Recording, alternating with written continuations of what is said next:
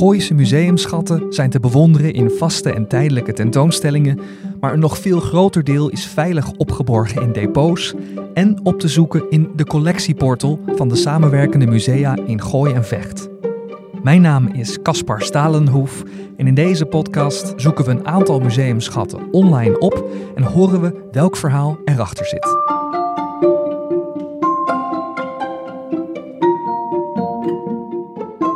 Vanaf 1815 werd er gewerkt aan de nieuwe Hollandse waterlinie. Een uniek Nederlandse manier van verdedigen in oorlogstijd, door gewoon stukken land onder water te zetten. De initiatiefnemer was Cornelis Kraaienhof. Hij had eigenlijk natuurkunde, geneeskunde en filosofie gestudeerd, maar tegen wil en dank maakte hij carrière in het leger en de politiek. Terwijl de Franse Revolutie ook in Nederland voor opschudding zorgde, Napoleon daar later een einde aan maakte en weer later het Verenigd Koninkrijk der Nederlanden ontstond, behield Kraaienhof zijn positie. Telkens werd hij door de wisselende machthebbers aangehouden om zijn militaire talent, terwijl hij zelf veel liever met wetenschap bezig was.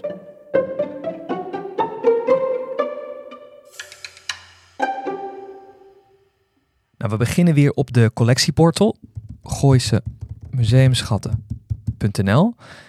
En als je daar zoekt op zilver, krijg je momenteel 54 resultaten uit de collecties van het Muiderslot, het uh, Huizer Museum, Kasteelmuseum Siepenstein en hier het Nederlands Vestingmuseum. Daar hebben ze een groot kruis der militaire Willemsorde. Dat is een onderscheiding die Cornelis Kraaienhof in 1823 kreeg van koning Willem I.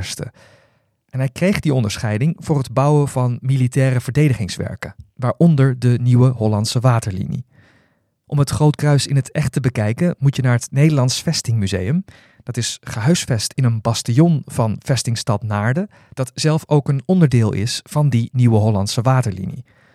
Ik werd daar ontvangen door directeur Pieter Koudijs kazemat waar we nu naartoe gaan, die ligt centraal op het terrein. En is eigenlijk een latere toevoeging aan het bastion. Het uh, bastion zelf is gebouwd uh, na 1675. Uh, eh, maar in de loop der eeuwen hebben ze iedere keer de vesting aangepast aan de ontwikkeling van het ja, artilleriegeschut. Gemoderniseerd ja. naar de huidige, en de wat er dan nodig was. Ja, en de kazemat waar we nu naartoe gaan, die is gebouwd in 1875. Mm -hmm. En dat is een zogenaamde mortierkazemat. En uh, deze kazemat diende tevens ook als een verblijfsruimte voor de soldaten. En daar uh, verbleven 48 soldaten en die hadden 24 bedden. Dus twee soldaten moesten ieder een bed delen.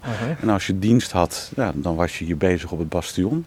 En degene die inderdaad gewoon dan uh, vrij was, die kon lekker in bed gaan liggen. Juist. En als ze een wissel hadden, dan kroop uh, vervolgens de ander in het uh, warme bed van zijn voorganger.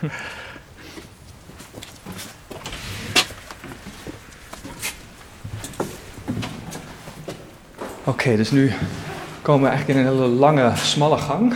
Ja, we staan nu in de centrale gang van kaasmat I, zoals die heet. Alle kaasmatten in Naarden die hebben een, eh, een letter van het alfabet. En dat ja. deden ze uit het open van zeg maar, gewoon gebouwbeheer. Deze gang is 34 eh, meter lang, 3,5 meter breed. En daar verbleven dus vroeger de soldaten in. En daar is nu de museale expositie van het Vestingmuseum. Hier sliepen ze dus? Hier sliepen ze, ja. ja. Hier stonden die bedden opgesteld. Klopt. Nou, we zien hier nu allemaal gewoon vitrines. Ja. En Met daarin en wapens. daarin zijn de museale objecten van het museum tentoongesteld. En waar we nu eigenlijk zo meteen naartoe gaan, dat is uh, de periode van de Franse tijd. Een ja. redelijk onbekend begrip in Nederland. De periode 1795 1813. Uh, toen Nederland eigenlijk onder Frans bestuur stond of een satellietstaat van Frankrijk was. Ja. In de tijd van Napoleon, zeg maar. Ja, precies. Ja.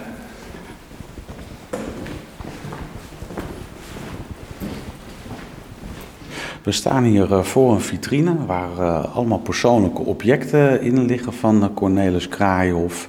En het object waar we het nu over gaan hebben, dat is het Groot Kruis der Militaire Willemsorde. Eh, de hoogste onderscheiding van Nederland, ingevoerd door koning Willem I in, in 1815. En Cornelis Kraaihoff is een van de weinige personen die in de hoogste graad is onderscheiden. En het kruis is gemaakt van zilver, goud en emaille. Ja. Het is een achtpuntige stervorm met een Maltese hartkruis van goud met wit geëmailleerd, met daarin de vier woorden voor moed, beleid en trouw. Ja, het, het, het blinkt in alle kanten. Lijken wel allemaal kleine steentjes, maar dat zijn het niet waarschijnlijk. Ja, het is een soort hamerslagwerk in het zilver. En uh, daardoor gaat het heel erg glinsteren, omdat het licht uh, er uh, zo, zo mooi opvalt. Mm -hmm. En deze, deze uitvoering van deze oorkon is nog in de echte oorspronkelijke vorm. In de loop der eeuwen is het, is het grootkruis aangepast. Tegenwoordig wordt het ook bijna niet meer uitgereikt. Je ziet het uh, nog op het uniform van koning Willem-Alexander. lagere graden worden nog wel verleend, maar het grootkruis eigenlijk niet meer. Hm, dus hij was ook hij was een van de eerste en ook een van de weinigen dus die dit ja. heeft ontvangen.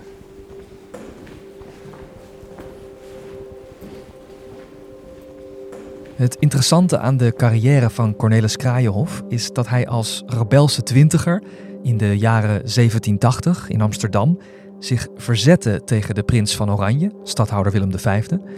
Dat hij daardoor de militaire en politieke kant op ging, waarvoor hij jaren later werd beloond door de zoon van Willem V, die in 1815 de eerste koning was geworden van het Koninkrijk der Nederlanden. Maar de, de, het uitreiken van het Grootkruis is dus 1823. Eh, ja. Um, maar we moet, dat is het eindpunt van dit verhaal eigenlijk. Dus we moeten eigenlijk even naar het eh, begin van het verhaal. Misschien ja, het begin van, van meneer Kraaihof zelf. Ja. Geboren 1758. Ja. Kraaihof wordt uh, in 1758 uh, geboren in Nijmegen.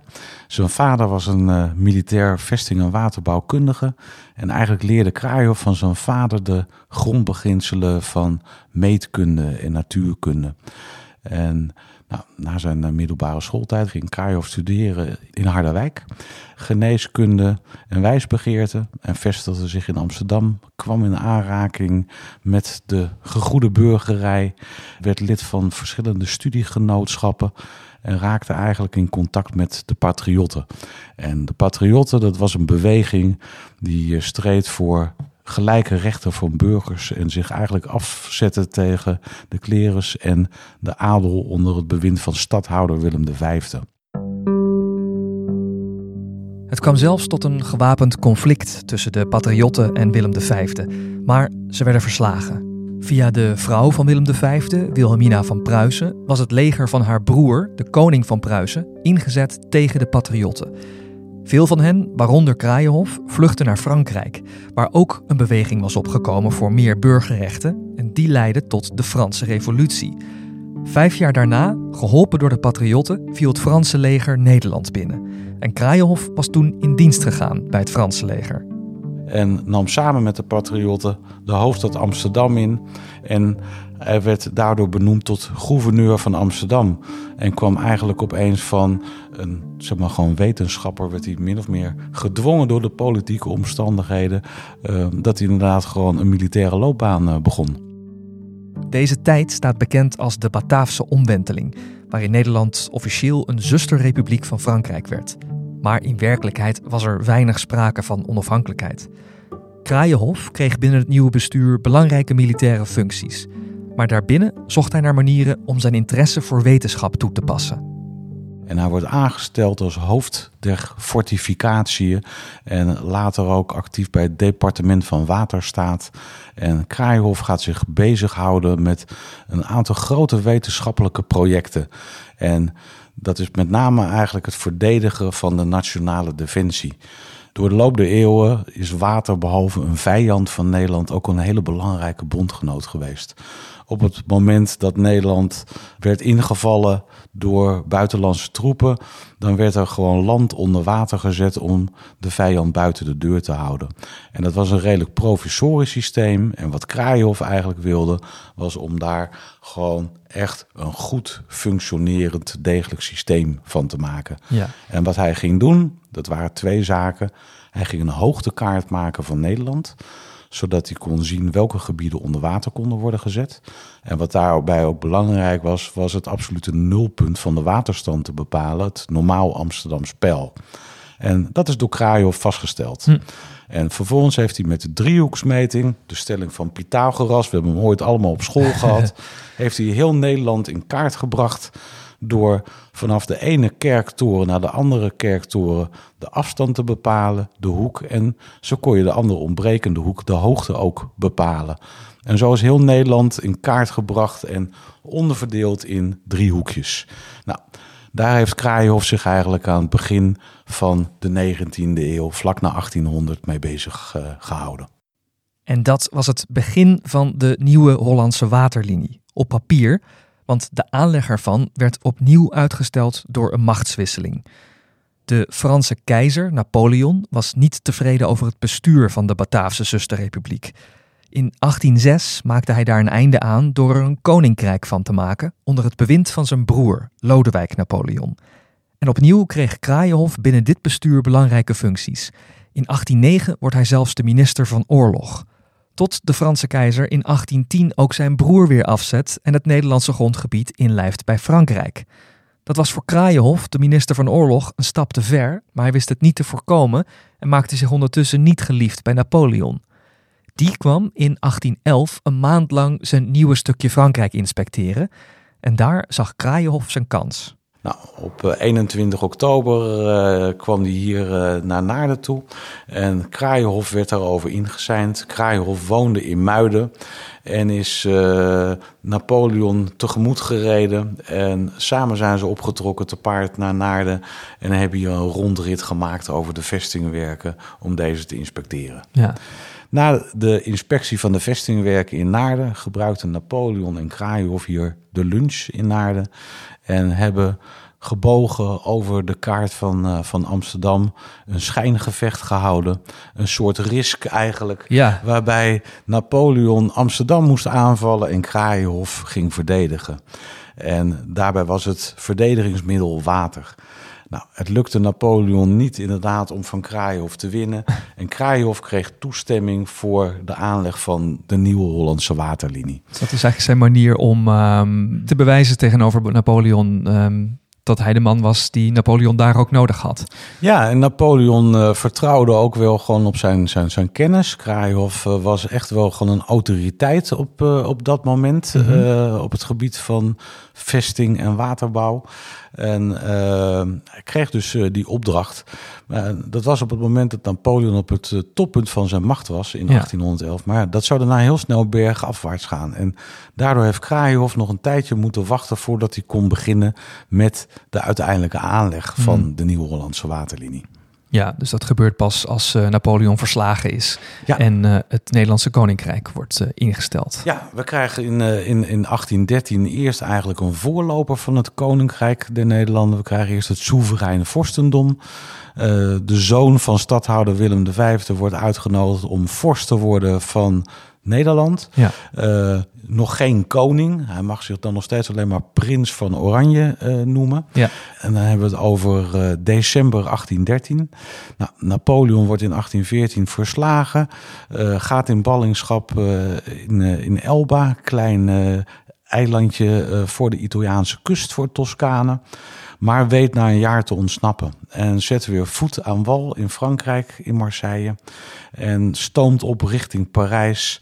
Om het nog een keer te proberen eigenlijk. En ja, stelt weer een nieuwe legermacht samen. Ja. Om uh, uiteindelijk uh, proberen zijn positie zeg maar, gewoon te herwinnen. Nou, op dat moment waren er net onderhandelingen om de hele kaart van Europa opnieuw in te tekenen. Het congres van Wenen, 1814 al begonnen. En Napoleon inderdaad in 1815 maart weer voet op Franse bodem. En de Engelsen, de Pruisen en het nieuw vastgestelde Koninkrijk der Nederlanden... Mm -hmm. bij het congres van Wenen in 1814... bestaande uit Nederland en het huidige België en Luxemburg... Uh, gaan de strijd aan met Napoleon. Wordt een grote troepenmacht verzameld.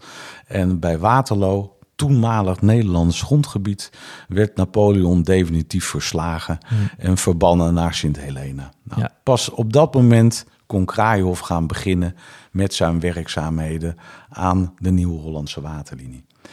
Nou, Willem Frederik van Oranje, voorheen soeverein vorst, uh, was nu dus koning Willem I geworden. En het eerste wat hij eigenlijk deed was het versterken van de nationale defensie. En wat hij ook deed was eigenlijk weer terug naar af. Hè, tijdens de Franse Revolutie was de adel afgeschaft en die werd weer door koning Willem I opnieuw ingevoerd. Ja. En in 1815 werd Kraaienhof verheven in de adeldom uh, met de titel van baron. En kreeg ook al op dat moment het commandeurschap in een nieuwe ridderorde die koning Willem I ook uh, had uh, opgericht. Dat kwam weer terug. Ja, de militaire Willemsorde. Nou, de militaire Willemsorde bestond uit vier graden.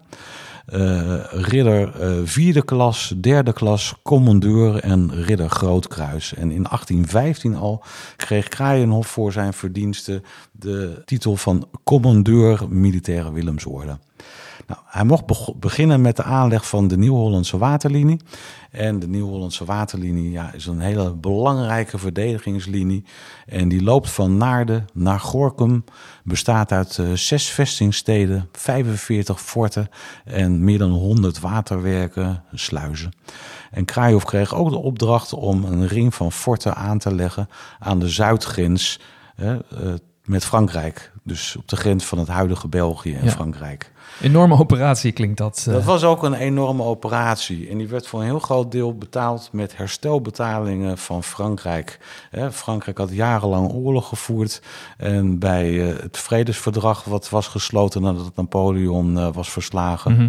Werden de Fransen gedwongen om herstelbetalingen eh, aan eh, de andere landen te betalen waar ze schade hadden aangericht. Dus eigenlijk werd met het geld van Frankrijk eh, grotendeels werd onze nationale defensie versterkt. Ja. En zo kon Kraaienhof eindelijk zijn plannen voor de waterlinie uitvoeren, waar nog tot ver na zijn dood aan werd gewerkt. Nergens anders ter wereld was er op deze manier nagedacht over militaire verdediging. Nou, het grote voordeel natuurlijk van Nederland is dat het voor een gedeelte onder zeeniveau eh, ligt. Dus eh, ja, eigenlijk alsof je inderdaad gewoon de dop uit de badkuip trekt. Ja, het, Ja. Het, het, het loopt vanzelf onder. En de Nieuw-Hollandse waterlinie is dus een verdedigingslinie die eigenlijk bestaat uit water. En alleen op de kwetsbare hoge punten, daar worden forten aangelegd. Op de dijken, eh, bij de sluizen, om dat gewoon te bewaken. Ja. En die waterlinie is dus 85 kilometer lang, loopt van Naarden naar Gorkum en heeft een breedte van ongeveer 5 kilometer. Zijnde de schootsafstand van een kanon uit die tijd. ja, dus in die tijd kon een kanon niet verder schieten dan dat. Ja, Dus zo breed of natuurlijk iets breder is dan die waterlinie gemaakt. ja. Ja. En feitelijk beschermde eigenlijk die waterlinie het huidige gebied van de Randstad, wat toen ook al het economisch hart was van het eh, Koninkrijk der Nederlanden. Ja, en daarvoor werd dus boerenland eigenlijk onder water gezet als het nodig zou zijn. Ja, Ja. en daar waren boeren natuurlijk niet blij mee. Want ja, daardoor ging natuurlijk vaak gewoon hun oogst verloren. Wilden ook nog wel eens dat inderdaad gewoon saboteren. Maar Hm. daar werden eh, hele strenge maatregelen tegen genomen om dat te voorkomen. Ja. En verder, als het dan zou gebeuren, is het eigenlijk maar een niet zo'n heel hoog, hoge laag water. Gewoon een klein beetje was Ja. al genoeg Ja. om de vijand tegen te houden. Ja. Dat is eigenlijk ook wel zo raar om over na te denken. Ja, weet je, wat, wat men eigenlijk deed was het, land eh, onder water zetten met een laagje water tot kniehoogte. Ja, dat is alles. En eigenlijk werd het gewoon een soort, zeg maar, gewoon moerasgebied Ja. daardoor. En dat had het voordeel dat je kon je kanonnen met paarden er niet meer gewoon doorheen transporteren. Mhm. En het was te ondiep om met een bootje overheen te kunnen Ja, varen. precies. Ja. En, en uit meer bestond op dat moment de oorlogsvoering gewoon weg niet. nee, eigenlijk was het zo dat zeg maar, gewoon de kanonnen al eeuwenlang op dezelfde manier functioneerden. Ja. Daar veranderde eh, gewoon heel weinig eh, aan eh, aan het begin van, van 1800. Dat kwam pas veel later. Hè, dus eigenlijk was het nog een hele ouderwetse manier van oorlogsvoering. Ja. Die in de 19e eeuw dus nog wel zinvol werd geacht, maar in de 20e eeuw natuurlijk al niet, meer, eh, niet meer genoeg was. Nee, dat klopt. Eh, dat is pas eigenlijk onder invloed van zeg maar, gewoon de industrialisering is eh, ook het artilleriegeschut aangepast en heeft zich ontwikkeld. Ja. voorheen had je ouderwetse kanonnen waarbij je de kogel via de voorkant erin moest doen. Later werden dat allemaal achterladers met een veel grotere rijkwijde. Nog veel later werd zeg maar, een brisantgranaat uitgevonden. Een bom met een explosieve lading. En daar waren de, bakstenen forten van de waterlinie niet tegen bestand. Ja. Nee. Is het dan wel gebruikt? De waterlinie is een aantal keren gebruikt. Men heeft een proefinundatie gedaan, zoals dat noemt. Inunderen mhm. is het uh, opzettelijk onder water zetten van land. Precies. En dat heeft men gedaan in 1870 tijdens de Frans-Duitse oorlog. Uh, dat heeft men gedaan in de Eerste Wereldoorlog en in de mobilisatie van de Tweede Wereldoorlog 1939. Nou, toen in mei 1940 eh, eh, de Duitsers ons land eh, binnenvielen, vlogen ze gewoon met vliegtuigen over de waterlinie, bombardeerden Rotterdam en Nederland gaf zich over. En toen bleek definitief dat dit soort defensiewerken achterhaald waren en geen nut meer hadden. Maar dat was allemaal ver na Kraaienhofstijd. Hij was 65 toen hij in 1823 het Ridder Grootkruis kreeg uitgereikt. Drie jaar voordat hij ophield met werken en teruggetrokken in Nijmegen aan het schrijven sloeg. Over militaire geschiedenis, natuurkunde en astronomie. En zijn memoires. Hij overleed in 1840 op 82-jarige leeftijd. Over twee weken verschijnt er weer een nieuwe aflevering van deze podcast, die je kunt beluisteren via Spotify, Apple Podcasts of andere podcast-apps. Je kunt de podcast daarin ook volgen, zodat je vanzelf notificaties krijgt wanneer er nieuwe afleveringen zijn. Mijn naam is Caspar Stalenhoef en ik sprak in deze aflevering met Pieter Koudijs, directeur van het Nederlands Vestingmuseum in Naarden. Tot de volgende aflevering van Gooise Museumschatten.